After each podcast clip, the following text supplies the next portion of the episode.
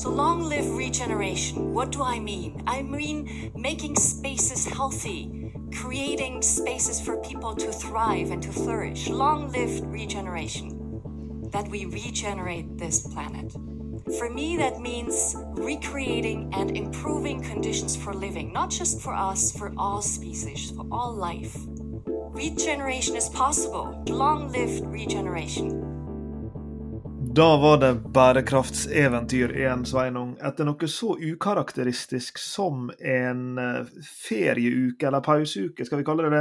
Jeg vet at du har eh, lagt med og massert stemmebåndene dine med kroppstemperert honning eh, og drukket ingefærte med sitron for å gjøre stemma di klar til en, en ny uke med bærekraftseventyr. Og det kommer vi til å trenge, for det som har skjedd parallelt med at vi tok denne denne lille eh, pausen, det var at eh, vi har fått en serie med gode lytterspørsmål sendt inn til e-postadressen eventyr eh, alfakrølljorgensenpedersen.no, som eh, vi selvfølgelig oppfordrer alle til å sende spørsmål og forslag til episodetema. Eh, så vi har en liten meny foran oss de kommende ukene av spennende tema. Og denne episoden er nettopp en eh, en slik episode. Og spørsmålet som eh, er blitt stilt her, det kommer fra Rikke Malmstrøm Hole, som er daglig leder i et prosjektbyrå som heter Society Studio i Oslo. Eh, og hun er ikke den eneste som har stilt Eh, skal vi si, en, versjon av dette spørsmålet. Det er flere som er inne på, på det samme. Vi har andre lyttere som har, har bedt oss uh, utforske uh, liksom spennet mellom bærekraft på den ene sida og sirkularitet på den andre. Det har vi jo gravd oss litt ned i tidligere episoder, men vi kommer til å fortsette. Men dagens uh, tema, det er kanskje enda, et, et, enda større trappetrinn på, på vei oppover i, i, hierarkiet her. Fordi eh, det som vi skal diskutere i dag, er eh, sammenhengen mellom bærekraft, eller sustainability, og dette fenomenet som en kaller for regenerative business. Eh, og, og det som som uh, ligger i det begrepet, skal vi komme inn på. Hvordan det henger sammen med en sirkulær økonomi. For det er jo veldig ofte knytta knytta til, til, nettopp den sirkulære økonomien, men en kan nesten si at, at denne regenerative business-perspektivet er nesten et, eh, et hakk Om ikke mer ambisiøst, for det er jo en del av sirkulærøkonomien, men, men det, det, er enda videre inn i, inn i, løken, om du vil. Nå skal jeg parkere alle disse metaforene og, og gi ordet til deg, Sveinung, fordi at du eh, skulle grave deg litt ned i, i, regenerative business, eh, som vi jo har begge to gjort en stund. Og, og, da endte jo du opp i går kveld med en uh, artig liten kontrast. Jeg gjorde det, for du sendte meg jo ivrig en artikkel 'Strategies for Regenerative Business' av Tobias Hahn og Maya Tampe. Og du sa her her tror jeg de treffer kjernen. Dette må du lese. Det du ikke visste, at jeg hadde sittet og bincha Exit for harde livet i hele går kveld. Så huet mitt var jo fullt av dop og prostituerte og, og, og en business som, som, på en veldig liten måte, i liten grad, var bærekraftig, og i hvert fall ikke regenerativ, eller sjenerøs, som, som, noen sier. Så jeg hadde et lite sånn derre mm, litt sånn, eh, sånn, smertefullt møte i går. Liksom, hoppa ut av den verden med raske biler og raske penger og 'greed is good', og inn i den der litt sånn tunge filosofiske litteraturen eh, hvor de diskuterer på en måte kjernen i hva business er, hva bærekraft er. Og dette spranget på en måte fra en bærekraftig business til en regenerativ eh, business, hvor man på en måte skrur til den der bærekraftsvingen enda mer. da. Eh, og De drar jo opp begreper her og diskuterer det på en veldig spennende måte, og, og absolutt, men, men, hos meg i går så, så, møtte jo det en sånn liten sånn, si en sånn eh, moralsk blokade. så, så, det, så, det, var et herlig, herlig, herlig spenn i, i går kveld. Jeg føler meg bedre i dag, altså.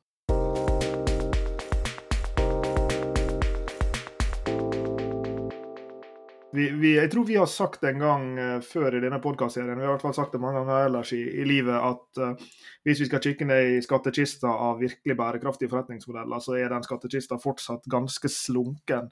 Og jeg tror nok at hvis vi skal kikke ned i skattkista for reelt regenerative forretningsmodeller, ja, da er han jaggu enda mer slunken. Og, og, og du skrev det jo til meg eh, i din litt sånn oppumpa frustrasjon da i går kveld eh, i en Messenger-tråd, så skrev du at eh, Fins det et eneste eksempel på det her? Og jeg tror til og med du brukte caps lock når du skrev det. Uh, og, og, i det så ligger jo det selvfølgelig det at i, i sin mest reindyrka form så er jo denne ideen om en, en regenererende økonomi. Altså en økonomi som ikke bryter ned, men som bygger opp. Uh, den er jo mildt sagt ambisiøs, og han henger sammen med noen tema vi snakka om tidligere, sånn som f.eks. oppsirkulering. og det skal, De kontaktpunktene skal vi sikkert komme inn på, men dette er jo det er jo ambisiøse greier, dette.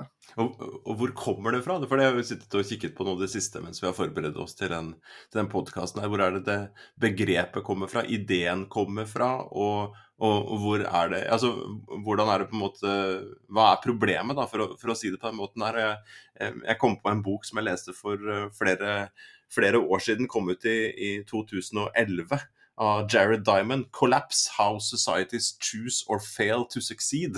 Og Den husker jeg gjorde veldig inntrykk på meg. Den går jo gjennom maya-indianerne, ser på Grønland, eh, drar ut på påskeøya, og, og, bruker jo påskeøya som et, eh, som et bilde på jorden. da, Et, eh, et, eh, et lukka system, en øy, et lukka system, hvor man får solenergi inn, men utover det så får man jo ikke noe, noe mer inn av, av nye ressurser, annet enn det som gror på øya.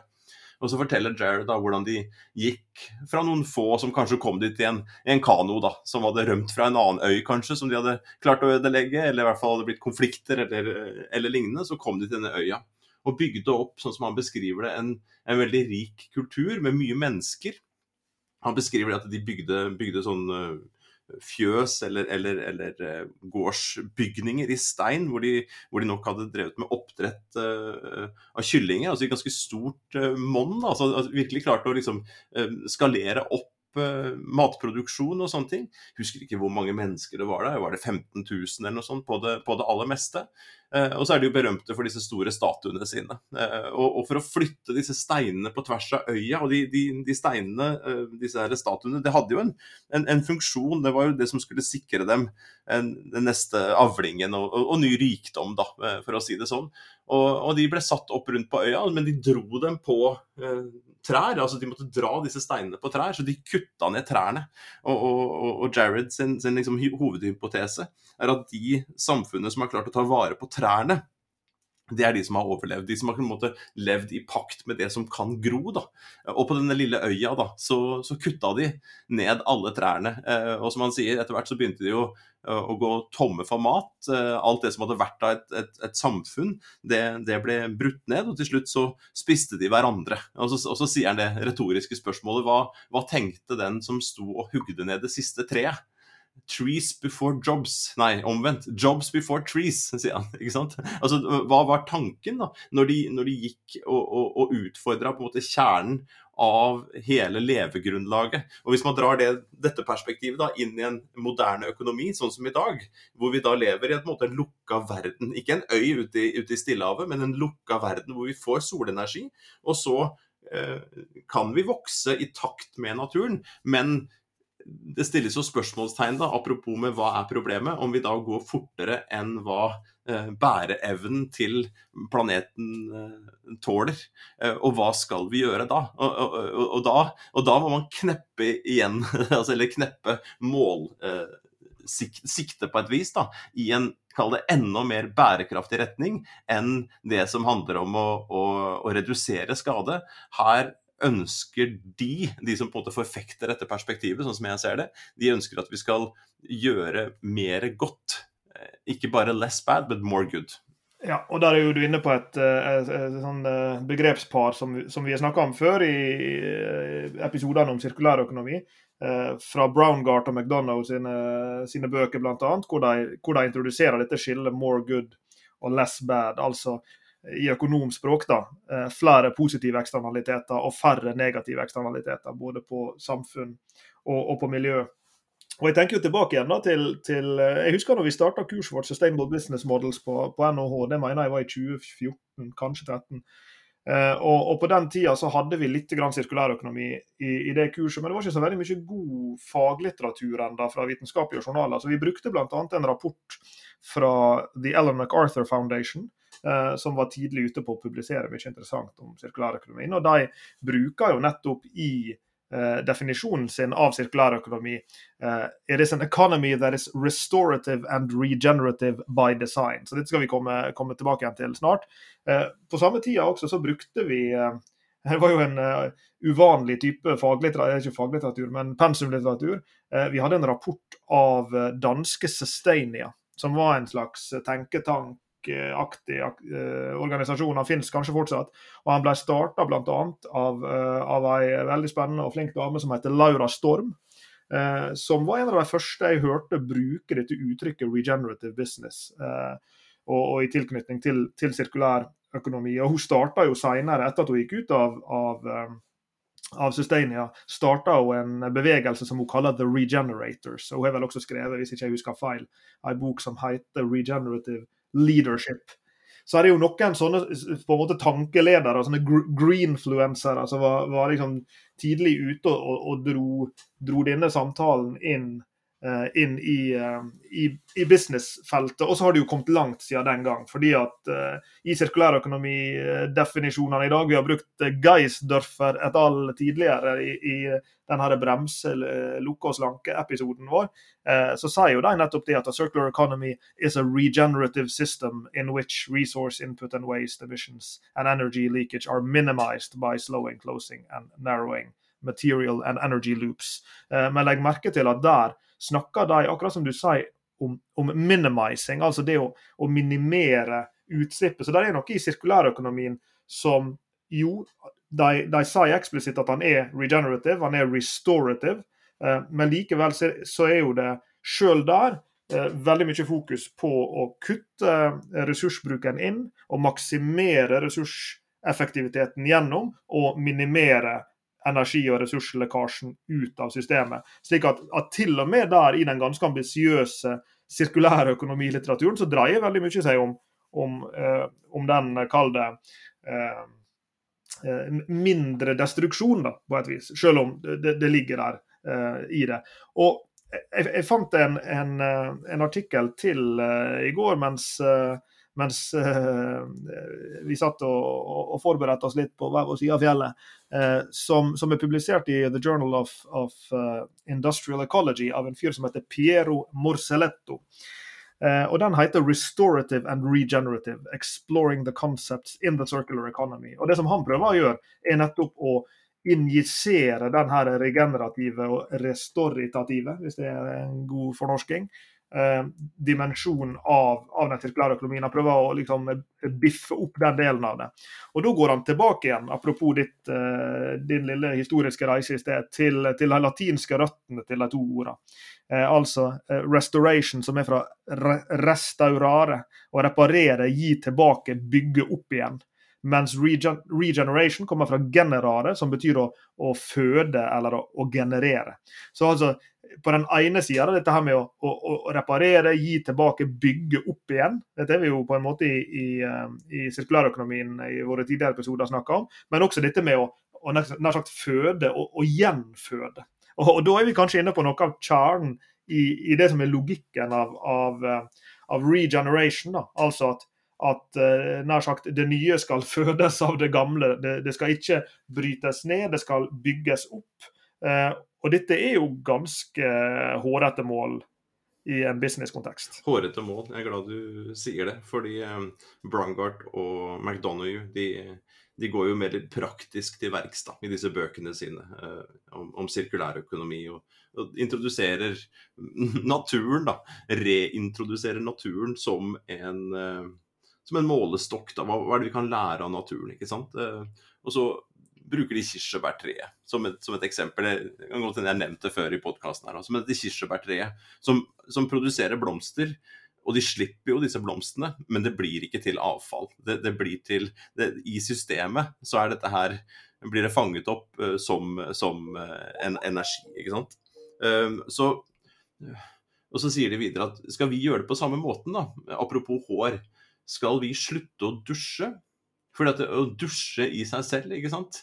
Eh, vi lager varmt vann som vi, bare, som, som, som vi bruker én gang, og som går ut i sluket. Og når det kommer i sluket da, så går det ut med såpe i seg, som renses på et eller annet vis før det kan brukes på nytt. ikke sant?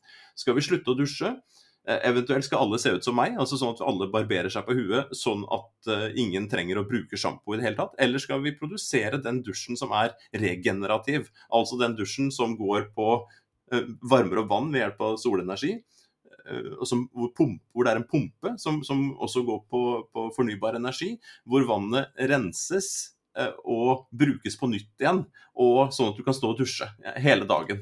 Eh, altså, så hvordan, hvordan få til, få til, eh, få til disse, disse, hårete målene, og det vi har sett på bedriftsnivå nå, er jo at mange av disse store bedriftene går fra at de skal ha nullutslipp, til å være at de skal ha positivt bidrag. De setter seg sånn veldig veldig høye mål, nettopp for å ikke bare tenke at de skal gå i null, men at de skal gå i pluss. Eh, da du sa i stad Jacob at jeg hadde massert stemmebåndene mine eh, Så jeg, var, jeg, visste jo ikke hvilken vei dette her skulle gå, så når du sa massert, så tenkte jeg at det jeg har gjort siste uke, det er jo å sitte og massere ankelen min. Eh, fordi, fordi, at jeg har spilt for mye tennis, for tett opp til hverandre. Og når vi trener, ikke sant, kroppen når vi trener, den blir jo nedslitt. Og så må den få lov til å bygge seg opp igjen. ikke sant? Og hvis man da trener for mye for, eh, for fort, ja, så klarer ikke kroppen å, kalle det regenerere eller, eller å, vokse. Å vokse. Så, så, det som skjedde med meg da, etter tre-fire dager med intensiv eh, tennisaktivitet, det var at jeg fikk en ankelskade. Så jeg satt jo ikke og masserte stemmebåndene mine eh, forrige uke, Lars Jeg satt og masserte en veldig hoven eh, ankel. Eh, og i det jeg sitter med en tennisball eh, foran meg, så tenker jeg liksom kan man spille tennis regenerativt? Kan du tenke deg hvor mange tennisballer som blir produsert i året? Ja. 360 millioner tennisballer i året. Mm. Altså 360 med seks nuller etterpå, er ikke det riktig? 360 millioner. Eh, og av dem så blir 22 millioner blir, blir resirkulert. Du som er hundeeier, hvor mange av dem blir spist opp av uh, ivrige hunder? Altså. Men, altså, men, men de, disse tennisballene, da, når, når, vi spiller tennis, de brukes jo ikke så veldig lenge. Uh, og jeg tenkt på det mye, og det er et sånn praktisk eksempel. Og jeg, jeg sitter her med en sånn blogg da, med liksom, jo, man, man kan spille tennis. Uh, man kan oppsirkulere disse ballene. Husk å få ny luft i dem. Send dem tilbake et eller annet sted, så de kan lage noen gummimatter av dem. Bruk ballene dine lenger. Men fins den dusjen? Fins den dusjen for tennisen? Fins den for telefonen min? Fins den for bilen? Fins den for, for oppvaskmaskinen? Tenk, tenk, deg et liv da, uten oppvaskmaskin, liksom. Altså sånn, eller uten, uten, bestikk, da. At man bare skal spise rett av gryta, på en måte. Altså, kan vi på en måte lage en sånn more good i alle de tingene vi er så glad i, og som gir livet vårt innhold? Eller driver vi og tærer akkurat på ankelen min? At vi, at vi, bruker og bruker og bruker uten at sener og muskler eh, får lov til å gro igjen? Og vi, eh, Det er dit vi skal komme, ikke til, til verken ankelen eller tennisballene, men vi skal prøve å bevege oss mot noen, noen praktiske eh, liksom business-implikasjoner her. Det er jo vår tilbøyelighet.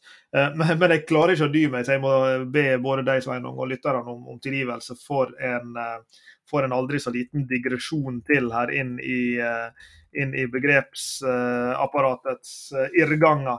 Fordi en ting som jeg kom til å tenke på når, jeg, når, jeg, leste om, om regenerative business og, og, regeneration mer generelt i går, jeg kom til å tenke på, på Nasim Nicholas Taleb, som mange kjenner som forfatter av, av kjente bøker som bl.a.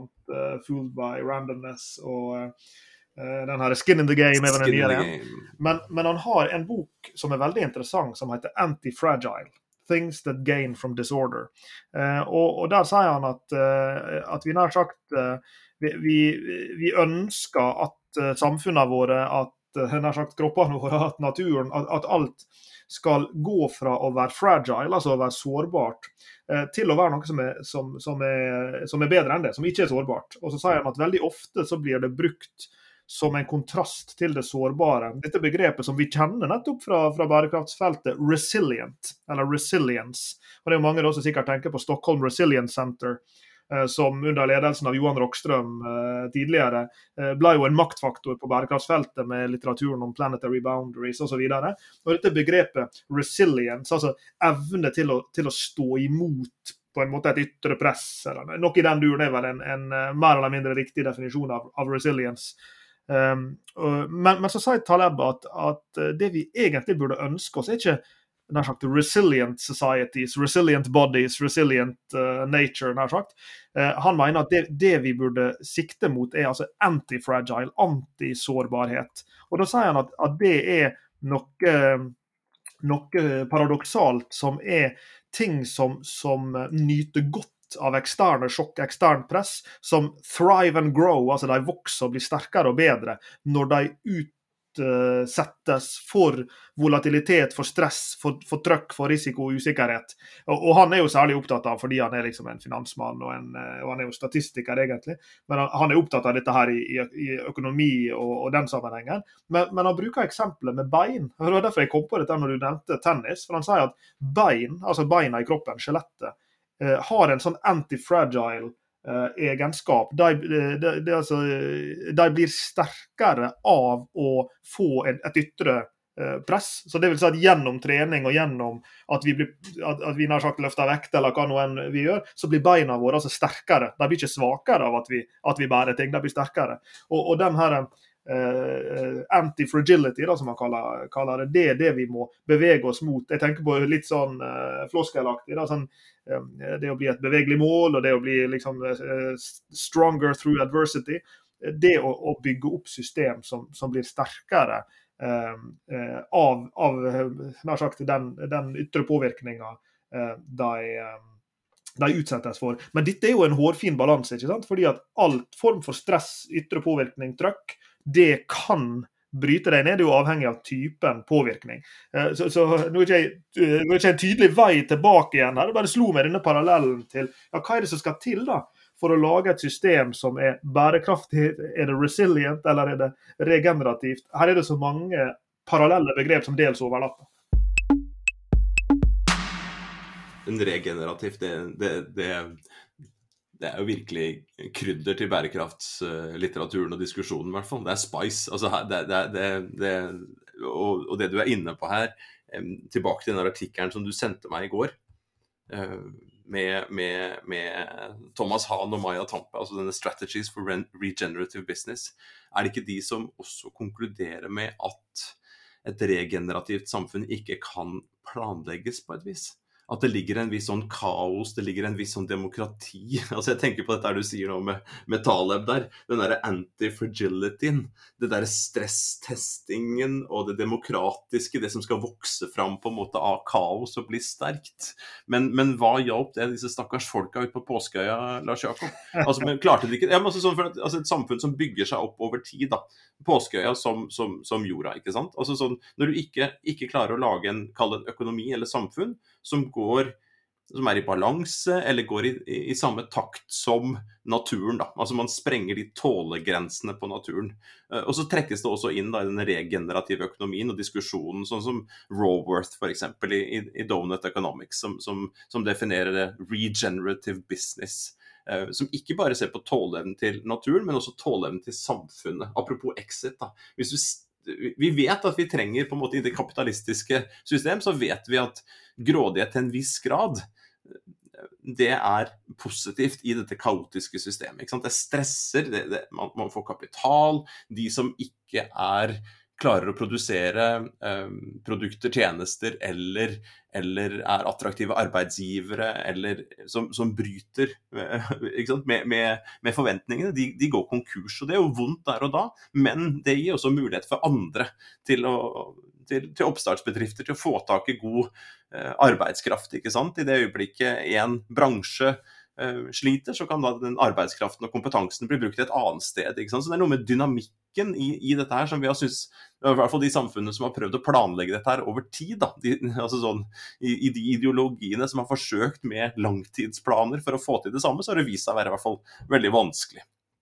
Så vil du ikke si at det er perfekt, dette, dette, dette, systemet heller, men det er noe med dynamikken og det som skjer der. Så hvordan liksom tåle Det blir for ekstremt. ikke sant? Det blir sånn stråmann da, se på. Å, sånn er den greed good-verden. ikke sant? Det er derfor jeg sier sånn en, en, en viss en, på, på, en viss måte så er det en veldig sånn dynamikk og energi eh, i det. Samtidig så vet vi at disse eksternalitetene som vi har snakket om, da, som de, disse regningene som ingen plukker opp, de, de, de tingene som, som samfunnet de regningene som samfunnet må ta da, eh, på miljø og på, på, på samfunnet, den sosiale eh, bærekraften, som ikke bedriftene selv eh, plukker opp. Og så snakker bedriftene da, og det snakkes i, i økonomisk teori om å internalisere disse eksternalitetene. Og Det er også litt av ideen i den regenerative økonomien. At nå skal hver enkelt bedrift ta tak i de negative eksternalitetene som de skaper. Og ikke bare skal de nulle det ut, de skal skape positiv. De skal skape den der perfekte dusjen da, som bare går og går og går og går. De skal lage tennisballene um, og det systemet hvor de sendes tilbake, man får luft, og, og disse, disse, hårene som, som utapå tennisballen som blir helt flate, sånn at skruen blir borte. Ja, de skal da kanskje klare å skape liv av dem igjen, da. Eventuelt så blir de nedsirkulert, som vi har snakket om før. altså De blir eh, resirkulert til, til, ting som etter hvert blir kasta. Så hvordan er det vi skal lage og integrere denne bærekraft 2.0, 3.0, 4.0, eller hva vi skal kalle dette regenerative systemet? da. Men det er i hvert fall å ta å si, ordentlig på alvor at det er noen miljømessige begrensninger, og at det er noen sosiale eh, begrensninger, og at næringslivet da, som vi trenger for produkter, for tjenester, for arbeidsplasser, for å skape verdi osv., osv., osv., jo, de må operere innafor eh, noen begrensninger, eh, disse her begrensningene. Men hvordan i huleste heiteste er det mulig? Og hva skal, hva skal vi si, på en måte? da? Jo, hvordan, hvordan skape, skape disse regenerative Eh, bedriftene innenfor et sånn type kapitalistisk system, og hvor det også da bygges opp en sånn type anti-regality, klarte jeg nesten å si det. Uh, altså den, den, den, at Gjennom denne dynamikken og dette kaoset, og at beina i kroppen, da, for å bruke den metaforen, blir sterke, og sånn at vi ikke havner sånn på påskeøya. At man etter hvert går tom for de ressursene, og så går det utover samfunnet, det man har trodd på, jo, bare vi bygger disse steinene og bygger opp dette her på den måten, så vil det øh, bli evig vekst. Og så ser man det er ikke mulig å få evig vekst. Det er begrensa hvor mange mennesker det kan være på denne øya. Det er begrensa hvor mange sånne steiner det kan og pyramider vi kan øh, Ikke pyramider, men, men disse her øh, steinstatuene vi, vi, vi kan bygge. Og et eller annet sted så er det et, et sånt, ikke et sweet point, da, men et eller annet sånt, et eller annet sted hvor denne dynamikken, da. Ikke, ikke, i, det minste så blir ikke dynamikken god. Altså Man får en, en, en nedadgående spiral som, som, fører til at uh, disse samfunnene kollapser.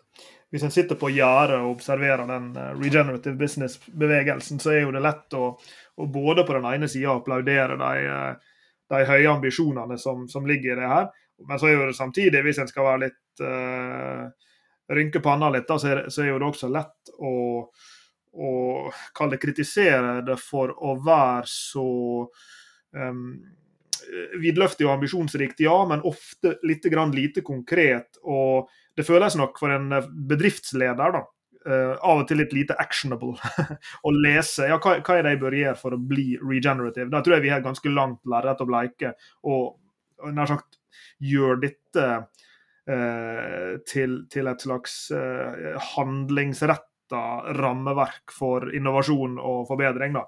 Eh, og Det er nok nettopp derfor kanskje en grunn til at disse eh, fag eh, litterære bidragene på, på, feltet kan handle vel mye om begreper og, og litt lite om de konkrete løsningene, hvis en skal være litt grann kritisk. Men, men, så er det også sånn at, at ved altså Det er få ting som er så praktisk som et godt begrep og en god teori, som det heter. Um, og Det er jo noen av disse begrepene som er interessant. Altså Dette skillet f.eks. mellom eh, restaurering og regenerering, som, som de vier mye plass til. Og hvor restaurering, i det ligger jo det det her med å, å, komme seg tilbake til Altså bygge noe tilbake igjen til sin opprinnelige stand, mens, mens å regenerere ligger denne gjenfødelsen. Og jeg tenker på en sånn ting som denne Build Back Better-bevegelsen uh, som innenfor uh, forsikringsbransjen nå, f.eks. For altså Eh, en forsikringsbransje som skal være med å bygge opp igjen etter flommer, bygge opp igjen etter eh, katastrofer av ulik art, ja, da må vi bygge det tilbake igjen bedre. Altså, med andre ord, Vi skal ikke egentlig bare restaurere det slik det var. Og igjen ref anti-fragility. da, Vi skal bygge noe som er bedre rusta til å møte ikke bare det som vi står overfor i dag, men det som vi også står overfor i morgen. Eh, og, og, og, i det her ligger jo en, egentlig en innovasjonstanke. Så jeg, jeg ser jo fram mot la oss si de neste fem til ti åra med, med, med, kanskje mer actionable eh, faglitteratur på, på, dette feltet. Ja, hvordan er det vi skal få til disse regenerative business models i praksis? For det er jo, det er jo et kjempespennende innovasjonslandskap. Ja, hva, hva, er det da som egentlig skal til? Og Her er jo noen eksempel på, på typer forretningsmodeller innenfor sirkulærøkonomien som vel er nettopp litt sånn regenerative. altså Hvis du tenker på sånne value from waste-forretningsmodeller som vi har nevnt flere ganger tidligere, altså hvor eh, reinspikka avfall blir til helt nye ressurser. Jeg tenker på forretningsmodeller innenfor dette fenomenet som en kaller for biomimicry, eller biomimikk. altså hvor en har produksjonsprosesser som, som, på en måte spiller ikke bare på lag med naturen, men som spiller på kall det naturlige prosesser. Tenker bl.a. på her i nærheten av der jeg bor CO2 Bio ute på, på næringsparken på Mongstad, som, som, tar eh, CO2 og mater det inn i rør hvor det er alger eh, som blir eksponert for fotosyntesen. I, eh, skal ikke prøve meg på, på en sånn her naturfag 101, men, men det blir altså fiskefôr av det her. For disse algene de, de vokser og, og, og, blir til slutt til spiselig fiskefôr. Det er jo også en sånn nær sagt, spiller på lag med naturen, ja. Og det gjør noe som, som er et begrep her som som, som blir brukt mye i, på regenerative business-feltet, nemlig dette med 'thriving and flourishing'. Og nå eh, med fare for å gå enda mer historisk til verks, så hørte jeg på en podkast i dag tidlig mens jeg spiste frokost eh, om en, eh, det var en filosof på universitetet i Chicago som snakka om Aristoteles sin, sin nær sagt nikomakiske etikk, og hvor logikken med 'flourishing', altså det å leve et rikt, meningsfullt og innholdsrikt liv, og, og, dette begrepet 'flourishing' og, og 'thriving' det, det flommer jo det over av også på regenerative business-feltet og på, på sirkulærøkonomifeltet. Da er vi tilbake på, på dusjen din i stad. Det skal ikke bli fattigere liv. Det skal bli rike liv, men det må være liv, og det må være økonomisk aktivitet og det må være forretningsmodeller som spiller på lag med naturen, som bygger opp igjen naturen. Og så, i et lite sånn uh, nikk tilbake til den nylige episode vi hadde om sosial bærekraft. Det skal jo jaggu være regenerativt, Sveinung, også samfunnsmessig. Så det er ikke bare at du skal gjøre naturen sterkere. Tenk deg det er en forretningsmodell som kommer inn og ikke destruerer naturen, men bygger naturen opp. Og ikke bare det, men en forretningsmodell som ikke bryter viktige samfunnsmessige ressurser som tillit og hva det måtte være, ned, men bygger dem opp en forretningsmodell som kommer inn, og når den forretningsmodellen nær sagt uh, sniker seg ut igjen, så har han gjort samfunnet bedre, han har gjort miljøet bedre. Det er ikke rart at det er mange av oss som syns at dette her er a tall order, som det heter på, på godt engelsk.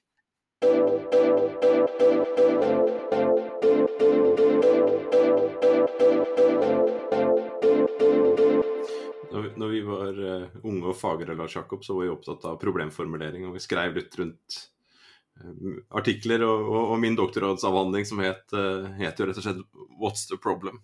Hva er problemet? Og det, det, det var det jeg begynte med eh, fra min side her i, i begynnelsen av den samtalen også. Hva er problemet som gjør at man har kommet fram da, med en sånn type regenerativ løsning som du har satt mange gode ord på her. altså Som, som du har bretta ut av hva ligger i dette re, ulike, ulike varianter av, av re som skal, som skal, bygges opp igjen. Og så har jeg spedd på med dette sjenerøst, altså som, som, ligger i generative, generøs, den sjenerøse bedriften som gir mer tilbake um, til samfunn og miljø enn enn den, den, den, tar ut. Da. Uh, jeg sitter og tenker når du, når du, når du drar denne, denne, linjen her, så for noen år siden så var jo bærekraft for mange provoserende. Eh, og det var fluffy, og det var å dra det langt. ikke sant? Altså Bare det å begynne å snakke om bærekraft inn i den økonomien som vi, som vi har. da. Men etter hvert så ser vi at vi kanskje trenger disse nyansene i bærekraftsbegrepet. Eh, vi også har jo snudd, kanskje litt, prøvd å snu disse målene, bærekraftsmålene på hodet og si at ja, men bak disse målene så ligger det noen problemer. Og det er jo ekte problemer som må løses.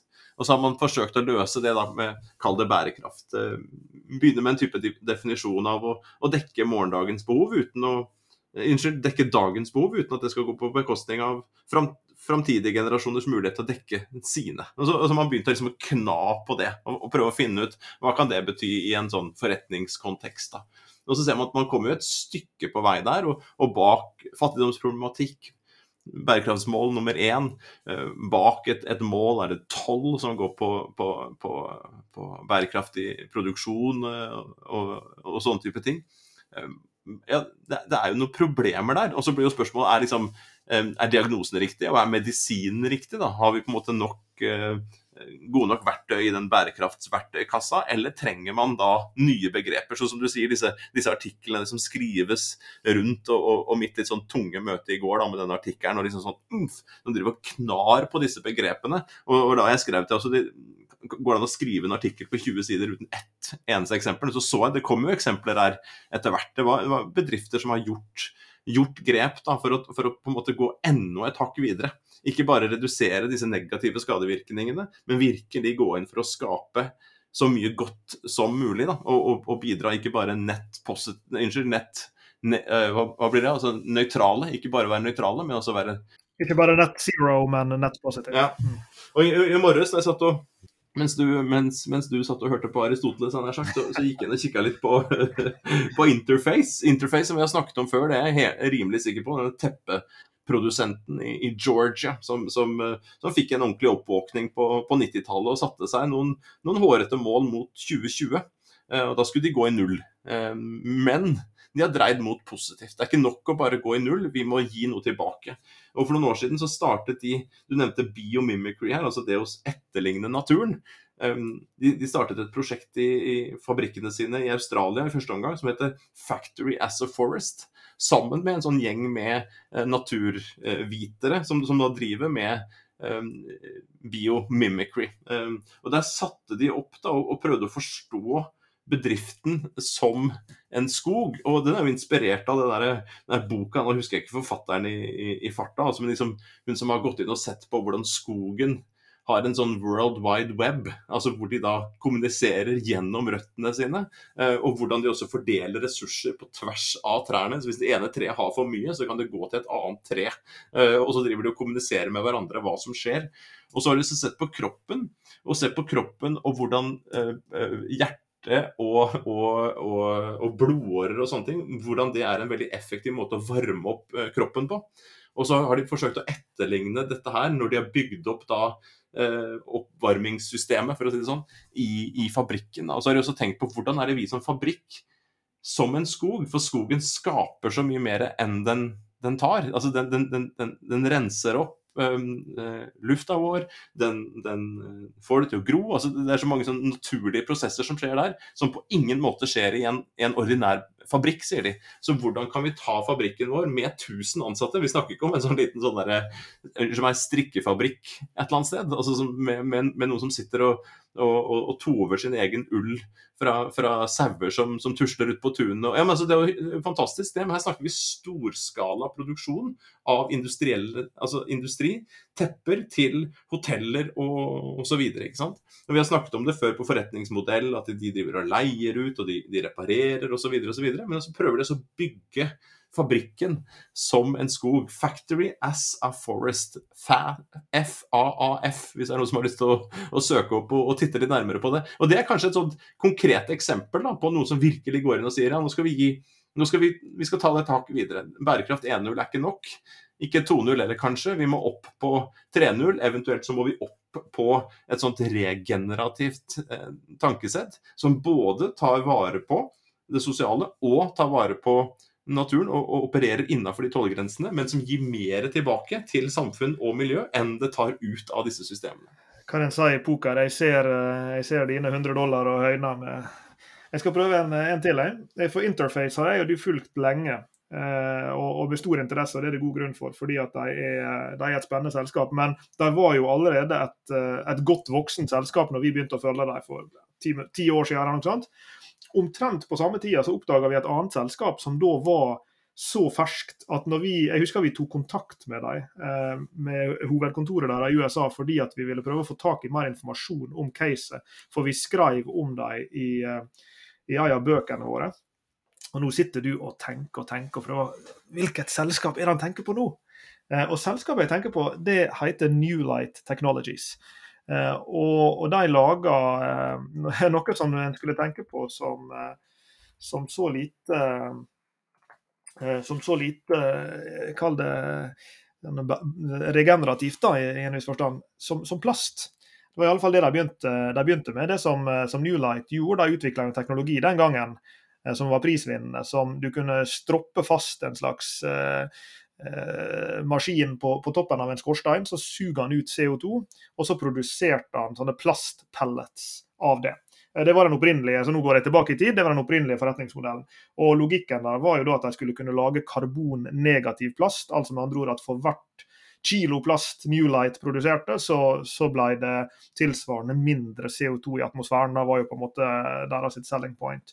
Og Jeg husker den første store kunden eh, til Newlight, det var vel Dell Computers. Eh, jeg vet ikke om det fortsatt er sånn, men, men veldig mange Dell-maskiner var jo laga av av Eller var det sånn at maskinen ikke kunne lages, men emballasjen kunne det? Jeg husker ikke hvordan dette var, men Dell var i hvert fall den første store kunden. Men siden den gangen så har Newlight kommet eh, langt, eh, og, de har både videreutvikla teknologien og, og, eh, produktsettet sitt. Og de kaller jo dette for air carbon. De, de trekker altså karbon ut av, ut av, lufta, er jo logikken. ikke sant? Men det som er fascinerende med dette produktet som, som de da lager av det her, og, og som, som, vi da kan bruke til å lage alle mulige slags ting, eh, det er at de har fått til en, eh, en egenskap til ved det som ikke var tilfellet den gangen jeg og du sist kikka på dette selskapet. Og det er at disse eh, plastpellets de er nå ocean degradable. Altså med andre ord, hvis dette her havner i havet, som en jo er redd for at plasten skal gjøre, ja, så løses den faktisk opp og blir til det som på sirkulærøkonomispråk kaller for nutrients, eller næringsstoff for havet. Og Det er jo da en reelt regenerativ greie. for Det betyr at hvis en da skulle være så uheldig at denne plasten da havner i sjøen, som vi jo vet skjer med ganske mye plast, ja, så brytes den faktisk ned og blir en del av økosystemet igjen. Og, og Der er jo en sånn ekte cradle to cradle-logikk. Først tar vi en maskin og stropper den på en skorstein, suger ut CO2 av den og lager et produkt som du kan bruke. Og hvis du er så uheldig at det skulle ende opp til sjøs, så er han um, ocean degradable. Eh, så, så, her er jo noe med denne, eh, denne forretningsmodellen som jeg syns også går ganske langt da, i, i, retning dette, dette, regenerative. Hvis vi da skal prøve nettopp å hente fram disse praktiske eksempler på ja, hva er det dette her egentlig vil komme til å bety? Hva er det egentlig disse virksomhetene, enten de produserer plast, eller fast food, eller biler, eller mobiltelefoner, eller eh, sparebøsser til barn. Jeg ser på en sparebøsse her på min datters rom der jeg sitter mens vi spiller inn denne episoden. Eh, samme hva du produserer, så skal du altså lykkes med å få det regenerativt. og Da er jo det fristende å si lykke til, men så er det jo fint å kunne slenge på. Men kikk litt til de som da ser ut til å få dette til. Jeg løfter opp uh, tennisballen min her, som du ser i kamera, Lars Jakob. Uh, jeg, jeg, søkte på tennis og regenerative. Eh, det første jeg fikk opp, var jo skadebehandling via sånn eh, stabcellebehandling på tennisalbuer. Så jeg måtte legge til sustainability, og da kom jeg inn på Wimbledon. En ikke helt ukjent uh, turnering og anlegg i, i England. De har faktisk på sin fane hvor det står 'sustainability', så har de faktisk ambisjoner om å bli regenerative. Eh, og måten de skal gjøre det på Og dette er jo et, et stadionanlegg, da. ikke sant? Altså et stort stadionanlegg eh, med en stor turnering.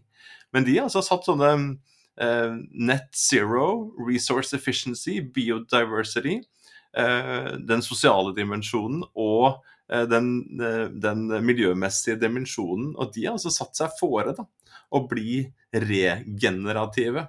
Og det er jo ganske interessant, da, for innenfor den konteksten med disse her ballene da, som, som, skiftes eh, i profesjonell tennis, så skiftes ballene hvert sjette game. Det, hvis jeg ikke tar feil. Så i, etter et, eh, seks, seks games eh, Og et, et, et, game er jo førstemann til, til Unnskyld, et sett er jo førstemann til seks. Og det kan gå flere game i, i ett sett. Det kan jo bli 6-5, 6-6 osv. Men der skiftes det altså baller, og de ligger i, i eh, de, er, de er pakka inn eh, Og når du, når du åpner den, så, så, går lufta ut. Hva heter det for noe? Eh, hjelp meg i farta her. Åh, hva heter det, Lars Jakob, når du har baller i et vakuum? De skal ligge vakuumtett. Så når du åpner, åpner den, så sier det puff, Så akkurat som å åpne en, en, en øl på, en, på en, sommerdag, så kommer den der lukta, av, lukta ut som alle tennisspillere elsker, og så kan du nyte noen, noen nye baller. og de, de, de, produseres jo i hopetall. Og rundt disse tennisturneringene som de arrangerer, så reiser jo folk jorda rundt og, og, driver med dette her. Så, så, hvordan skal man da få til det som du, vi, du har nevnt to her nå, altså to selskaper konkret som har gått foran og satt det. Og så ser man også da hvordan dette her eh, regenerative språket da, eh, går inn i bærekraftsspråket as we speak, for å si det på utenlandsk. Det er dette som skjer her akkurat nå. Eh, hvor kanskje flere da har opplevd at dette bærekraftsbegrepet ikke er nok, det er ikke ambisiøst nok. Det, det, det, det tøyer ikke strikken nok, skaper ikke nok energi mellom, mellom nå-situasjonen og den ønska situasjonen. Det blir for slapt der. Så hvordan på en måte sette målene der oppe og være en, en netto positiv bidragsyter til, til samfunn og miljø. Og Dette skal bli spennende å følge framover og se hvordan dette språket og nyansene og kravene og, og hvordan det, hvordan det si, manifesterer seg i, i, strategien til disse selskapene, og om det blir noe mer bærekraftig av den, av den, den grunn. Det skal bli spennende å følge med på framover. Og det er jo mange eh, bransjer her som Nå, nå har vi vært innom eh, vi har vært innom teppe, vi har vært innom eh, nær sagt fra karbon til plast, vi har vært innom tennisballer. Kanskje det Den bransjen som jeg ser oftest nevnt i forbindelse med regenerative business, er jo regenerative agriculture. Uh, og, og, det er jo kanskje nettopp fordi, og vi har vært innom om, uh, dette med, med matproduksjon og, og, for den del tekstilproduksjon og i det tatt som, som har, har, en del til felles da, i, i liksom agriculture-leddet, i landbruksleddet. Der, der, er jo det mange bevegelser i retning disse typene regenerative praksiser. og Det er jo lett å se for seg ref. kirsebærtreet ditt hva det bl.a.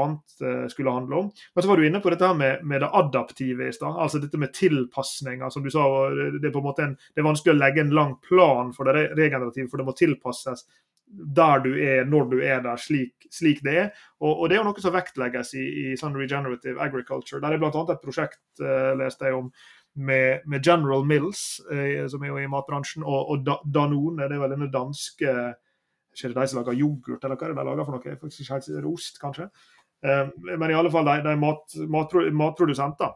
Eh, og, og, de har jo bl.a. et, eh, et, et sånn multinasjonalt prosjekt på regenerativ agriculture, hvor det bl.a. handler om da, å, gjøre, å lage en slags skreddersøm i for det er, jo, det er jo, industrielt ikke sant? og det, er skalert. og Veldig ofte så betyr det one size fits all, men her er det altså gått inn for en for en mye mer eh, skreddersøm i tilpasninger til lokale forhold, både med hensyn til, til eh, miljømessige forhold, åpenbart, eh, men, men, også med hensyn til kall det sosioøkonomiske forhold, for å best mulig tilpasse produksjon, best mulig tilpasse praksisene på disse relativt store industrielle landbruksoperasjonene som, som de holder på med.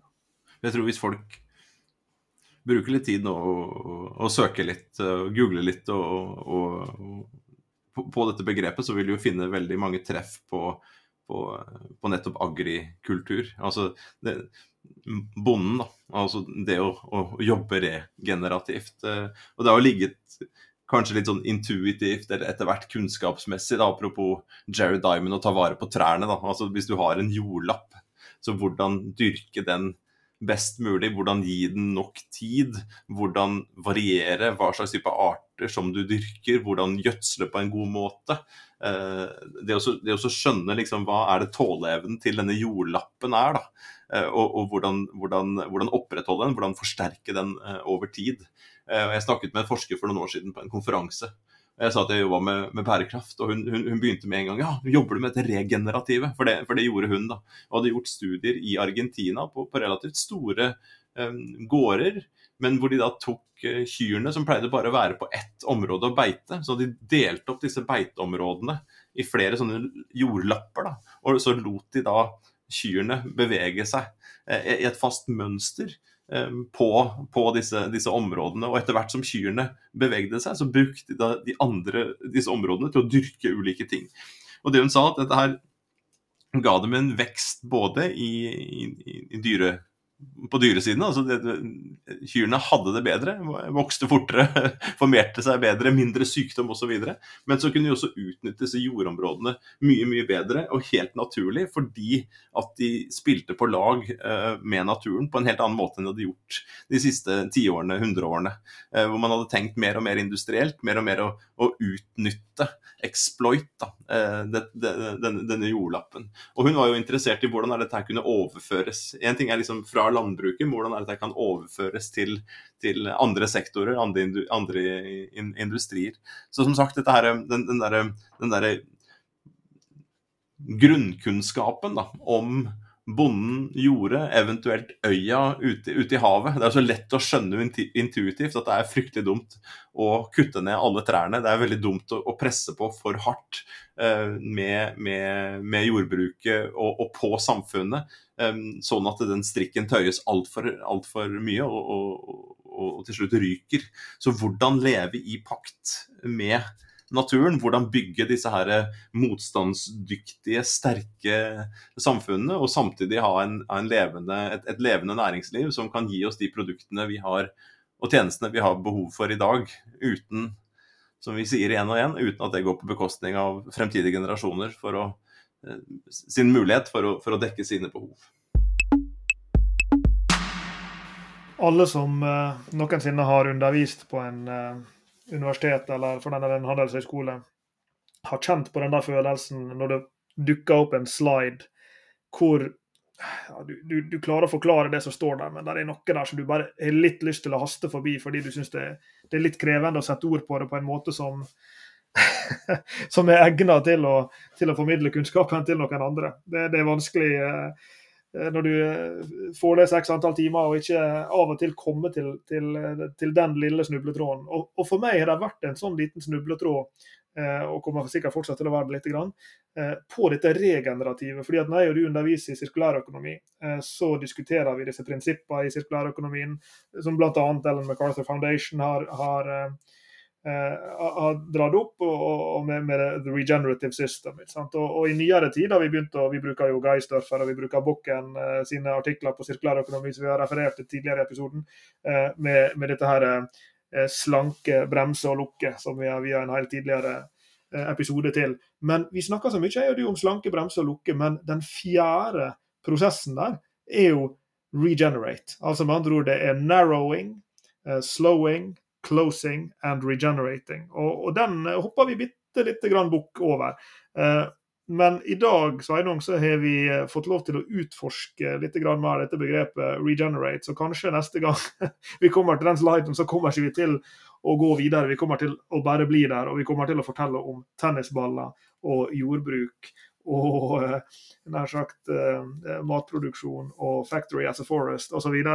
Eh, fordi at denne regenerative dimensjonen av sirkulærøkonomien eh, den får tydeligvis både mer og mer oppmerksomhet. Og etter hvert så ser vi også da at interfacene i verden, Newlightene i verden og mange andre bedrifter også lykkes med å omsette disse begrepene, disse ideene, disse visjonene, disse hårete ambisjonene om å få til en økonomi som er reelt regenerativ både for samfunn og miljø, og, og lykkes med å, å, bygge forretningsmodeller på, på det.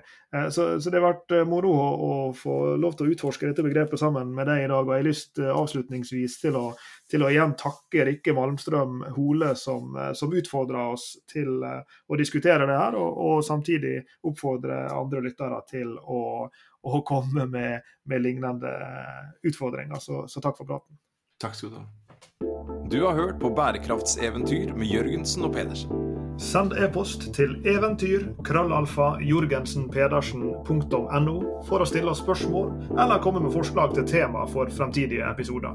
Og besøk jorgensenpedersen.no for mer informasjon om denne podkastserien. Derfra kan du også fortsette samtalen med oss i sosiale medier på Twitter, Facebook, LinkedIn, YouTube og andre steder.